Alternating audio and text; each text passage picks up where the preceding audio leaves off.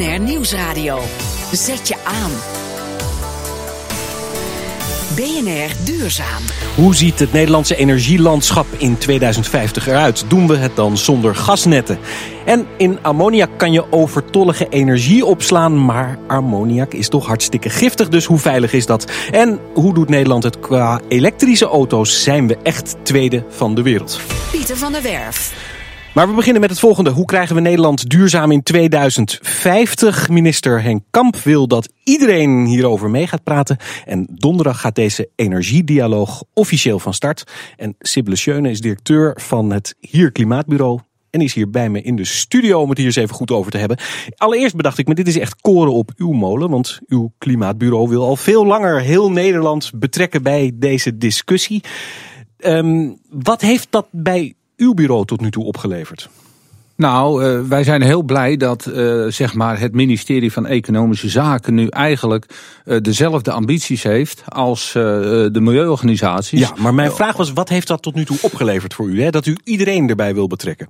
Nou ja, kijk, op de eerste plaats heeft het bij ons opgeleverd dat we zijn gaan nadenken van hoe moet dat dan? Want de werkelijkheid is natuurlijk dat 99% van de Nederlanders geen flauw idee heeft dat we moeten ophouden met aardgas.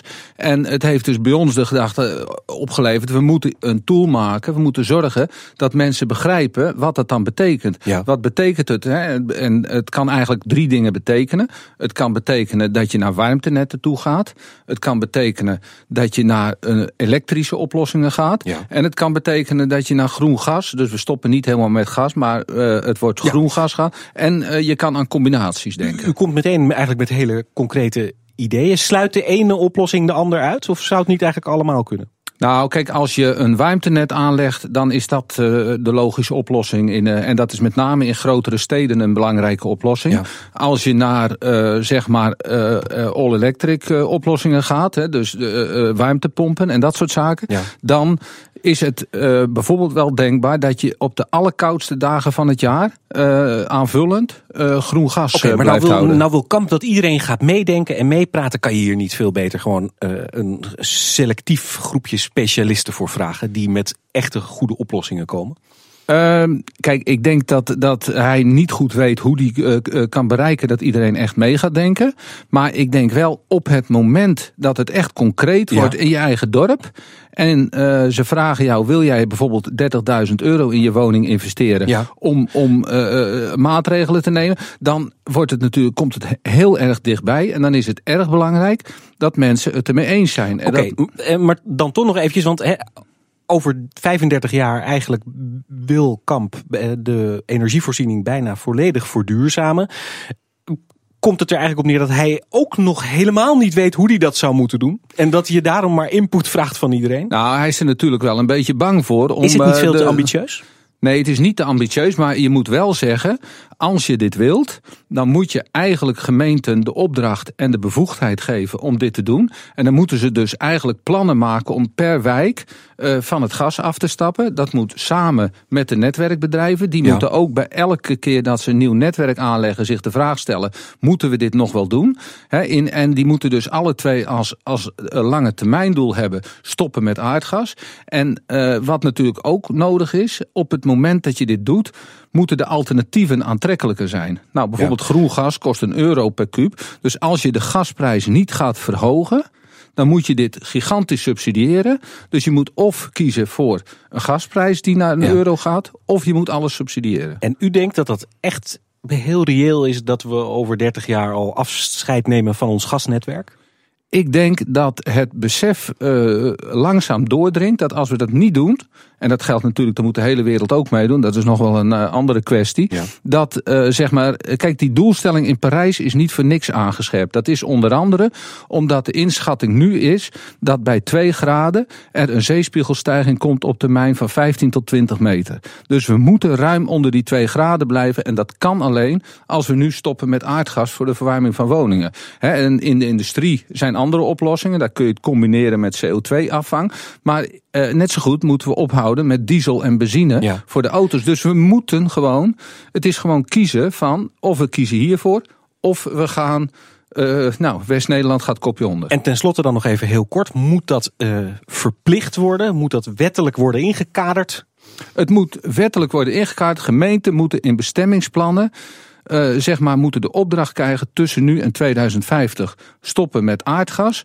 En dan moeten ze wel met hun bevolking in gesprek van wat zijn de slimste oplossingen. Hoe zorg je dat mensen die geen geld hebben om in hun huis te investeren, toch kunnen meedoen? Want het moet natuurlijk niet een grote puinhoop ja. worden. Ik wil u hartelijk danken. Sibylle Schöne, directeur van het Hier Klimaatbureau. BNR Duurzaam. Weides vol met zonnepanelen en een groot hek eromheen. Nou, niet in het Gelderse dorp Hengelo, want daar komen 7000 zonnepanelen in een nieuw natuurpark. En iedereen kan er gewoon tussendoor wandelen. Richard Klatte, directeur van energiebedrijf Current. Hartelijk welkom. Goedemiddag. Hoe moeten we dat voor ons zien? Ja, wat je voor je moet zien is dat het nu nog een weiland is.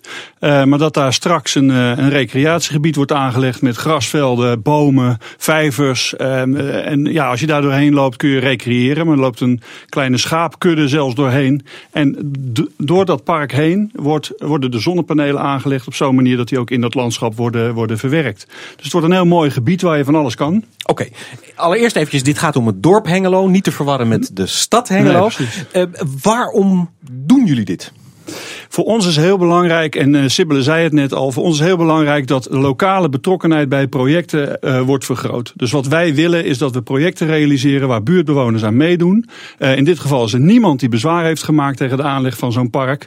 er kunnen 550 mensen volledig van, van stroom worden voorzien door dit park. En mensen kunnen vanuit de, onze, onze coöperatie, we zijn een landelijke energiecoöperatie, met elkaar de stroom afnemen van dit park. Dus je krijgt stroom van je eigen ja. natuurpark. Het klinkt prachtig. Uh, maar toen ik het las, dacht ik, ja, is het ook niet heel omslachtig? Dat levert toch veel te weinig op. Een prachtig park is mooi, maar hier en daar een paneeltje, ja, dat is dat is een druppel op een gloeiende plaat. Nou ja, elke druppel is één. Heb je toch een emmer. Uh, dat is één. Maar twee, dit zijn 7000 panelen. Hè, dus we moeten het niet onderschatten. Ja. Het is 7 hectare. Als je daar staat, dan denk je ook... Uh, uh, ja, als randstedeling kun je nauwelijks meer een voorstelling maken... van wat nou 7 hectare is. Maar het is een groot gebied met 7000 panelen. Ja. Natuurlijk moeten we veel meer van dit project realiseren. En dat was ook een reden voor ons om, om hier aan mee te doen. Je zou kunnen zeggen, je, je gebruikt 1 hectare. Dat plemp je helemaal vol. En dan heb je die andere 6 hectare echt mooi. Ja, dan krijg je dus één hectare helemaal vol met glas. En de andere ga je bomen planten. Wat wij juist zo aantrekkelijk vinden, is dat je het verwerkt in een omgeving waar je doorheen kan lopen.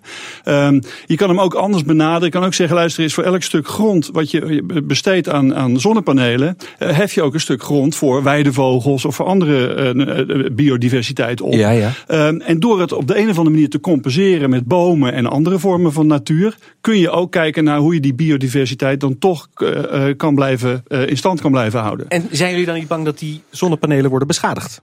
Ja, nou ja, je moet ervoor zorgen dat die zonnepanelen ook. Uh, of gestolen? Uh, nou ja, ze liggen zodanig vast dat dat niet zo makkelijk zal nee. zijn. Het wordt beveiligd en het wordt in de gaten gehouden. Het mooiste is, het ligt tegen het dorp aan. Het is van die buurtbewoners. Dus de kans dat uh, de buurtbewoners zelf daar op de een of andere manier schade aanrichten, die, die, is, die is niet heel. Ehm, ja, en voor de rest heb je een sociale controle, waardoor dat ook beter komt. Oké, okay. en dan dat natuurlijke ontwerp. Hè. U zegt van ja, dat willen we eigenlijk op zo'n manier doen dat bijvoorbeeld de vogels en alles eh, daar ook uh, wel bij varen. Is dat in praktijk ook mogelijk en om het dan ook aantrekkelijk te houden voor de mensen? Nou ja, kijk, wij zijn, wij zijn het energiebedrijf die de stroom levert. Het initiatief is van twee lokale mensen gekomen in, in combinatie met, uh, met natuurarchitecten. Ja. Um, uh, dus die hebben dat bedacht. Ja, en die hebben daar op de een of andere manier invulling aan gegeven. En ja, zoals het er nu op tekening uitziet, ja, krijg je daar een recreatiegebied waar mensen op allerlei manieren gebruik kunnen maken van zo'n park. Oké, okay. uh, Sibylle Schöne, die is hier ook nog eventjes blijven staan, gelukkig, van het Hier Klimaatbureau. Als u dit zo hoort, wat denkt u dan? Nou, hartstikke positief. Je ziet ook dat uh, het aantal burgerinitiatieven wat zeg maar zonneparken bouwt, hè, en dit is dan weer een nieuwe variant. Uh, afgelopen jaar zijn er zo'n 100 gerealiseerd. Er zitten er 200 nu in de pijplijn. En je ziet eigenlijk dat uh, groepen burgers in toenemende mate erin slagen om projecten te realiseren. Zon, wind. Gaat om serieuze projecten. Hè. Tot, tot uh, het grootste project heeft een omvang van zelfs 100 miljoen. Die, die zonneprojecten die gaan eerder om een half miljoen tot een miljoen. En ja, het, het wordt heel gemakkelijk voor mensen om te zeggen: ik heb nog 500 euro op de bank. Daar wil ik uh, 5, 6 procent op halen. In ja, plaats van nul op de bank. Dus ik investeer erin. En je ziet dat dat echt aan het groeien is. Oké, okay, dat is duidelijk. Dan wil ik graag met jullie nog even naar iets anders. Richard Klatten van Current eerst. we hebben het hier ook al even gehad over de energiedialoog. Heeft u ook nog iets in te brengen in deze dialoog? Ja, dat mag ik hopen. uh, nou, nou ja, wat kijk, wilt u, nou wat ja, wilt u als wat eerste wij, kijk, en belangrijkste aan Kamp mededelen? Wat wij willen meedelen is dat je uh, mensen die, en Sibylle zei het net, mensen willen heel graag meedoen aan energieprojecten in Nederland. Mensen zijn bereid te investeren, het geld is er. Uh, en wij denken dat als je groene energie en het investeren daarin gaat belonen, in plaats van belasten, hè, we betalen nu energiebelasting over onze groene energie. Als je dat zou veranderen en gaat stimuleren, dan zou je dat veel kunnen versnellen. Dus wat wij hebben laten doorrekenen door CE Delft, en binnenkort komt dat uh, rapport ook uit, is, uh, de, is stel nou eens dat we alle particuliere consumenten in Nederland de gelegenheid zouden geven om de energiebelasting en de opslag duurzame energie, een beetje ingewikkeld, met totaal zo'n 11 cent op dit moment, als ze dat nou eens rechtstreeks in projecten zouden mogen investeren. Dan hoef je het niet aan de overheid af te dragen, maar je mag zelf kiezen waar je die 11 cent of 12 cent in investeert. Ja. Mits je dan ook de stroom van dat project afneemt. Ja. Dan krijgen al die particulieren de kans om rechtstreeks in projecten te gaan en op die manier haal je de hele subsidieketen haal je de hele subsidieketen eruit en kun je zelf mee gaan doen in allerlei projecten in Nederland. Dat hebben we nu laten doorrekenen. In eerste instantie blijkt nu dat we daar een enorme versnelling mee kan bereiken tot 650 gigawattuur. Dat is heel veel. Ja. En dat betekent dus dat je mensen zelf ook die gelegenheid gaat geven in Nederland. En Sibylle ook nog eventjes kort uw input voor het... Uh... Voor de energiedialoog. Ja, ja ik, ik, uh, laat ik dan iets anders noemen. Ik ben ook voorzitter van een groep die heet Bezinningsgroep Energie. En daar zitten een honderdtal mensen in uit allerlei onderdelen van de energiewereld. En die hebben samen zes aanbevelingen gedaan in het kader van de energiedialoog. Ik, eigenlijk dat twee hebben te maken met stoppen met aardgas. Ja. Eén is dat we toe moeten naar 50% duurzame energie in 2030. Uh, en ik denk dat, dat het heel belangrijk is. Dit kabinet dat blijft een beetje hangen, maar het volgende is erop of eronder. Oké, okay, wil ik u daarvoor hartelijk bedanken. Sibylle Schöne van uh, hier het Klimaatbureau en Richard Klatten van energiebedrijf Current. Hartelijk dank. Dankjewel. Ja. Zometeen in BNR Duurzaam. Nederland is tweede in de wereld met elektrische auto's, zei minister Kamp. Maar is dat wel zo? BNR Nieuwsradio. Zet je aan. BNR Duurzaam. Windmolens en zonnepanelen hebben een groot nadeel. Ze produceren ook elektriciteit als niemand het nodig heeft. En die stroom kan je natuurlijk opslaan in accu's, maar het kan ook anders, namelijk in ammoniak. En dat kan je dan later in een energiecentrale weer verbranden om er weer elektriciteit van te maken. Nou, in de studio drie heren die dat helemaal zien zitten. Uh, Geert Laagland van Energiemaatschappij Nuon. Ja, klopt. Tjeerd Jongsma van Duurzaam Technologie Instituut ISPT. ISPT, ISPT, oké. Okay. En Hans Vrijenhoef van uh, ammoniakopslagbedrijf Proton Ventures. Hartelijk welkom. Ja. Um, cheers. Laat ik dan eerst eens even beginnen met ISPT. Ik heb er heel snel even naar gekeken. Maar wat is dat nou precies voor een organisatie? Want zo makkelijk was dat nog niet meteen om dat... Om dat in één keer te duiden. Nee, dat is altijd wel lastig. Wij zijn eigenlijk een organisatie van heel veel bedrijven... die samen duurzame technologie ontwikkelen. Ja. We bestaan inmiddels tien jaar. En we hebben honderd bedrijven die bij ons participeren. Die stoppen allemaal geld in onze stichting. Ongeveer 20 miljoen op dit moment ja. uh, in totaal. En daar doen wij projecten voor... waarbij wij denken eh, dat uiteindelijk uh, de Nederlandse procesindustrie er beter van wordt. Oké, okay, en waarvoor staat dan ISPT? Het Instituut voor Duurzame Procestechnologie, maar dan, okay. is, dan, op, dan op zijn Engels. Oké, okay, dus daarom was het niet zo gek dat ik ISPT zei. Geen probleem. Oké. Okay. Um, laten we eens even naar die ammoniak gaan, want die kan je helpen bij uh, energiebesparing in de industrie. Op wat voor manier dan? Uh, uiteindelijk kun je met ammoniak uh, niet zozeer een besparing uh, de, bewerkstelligen, maar ju juist gewoon de bron van je energie veranderen. Ja. Normaal gebruiken wij fossiele energie, energie om ammoniak te maken. 7% van de totale aardgasproductie in Nederland wordt gebruikt om ammoniak te produceren.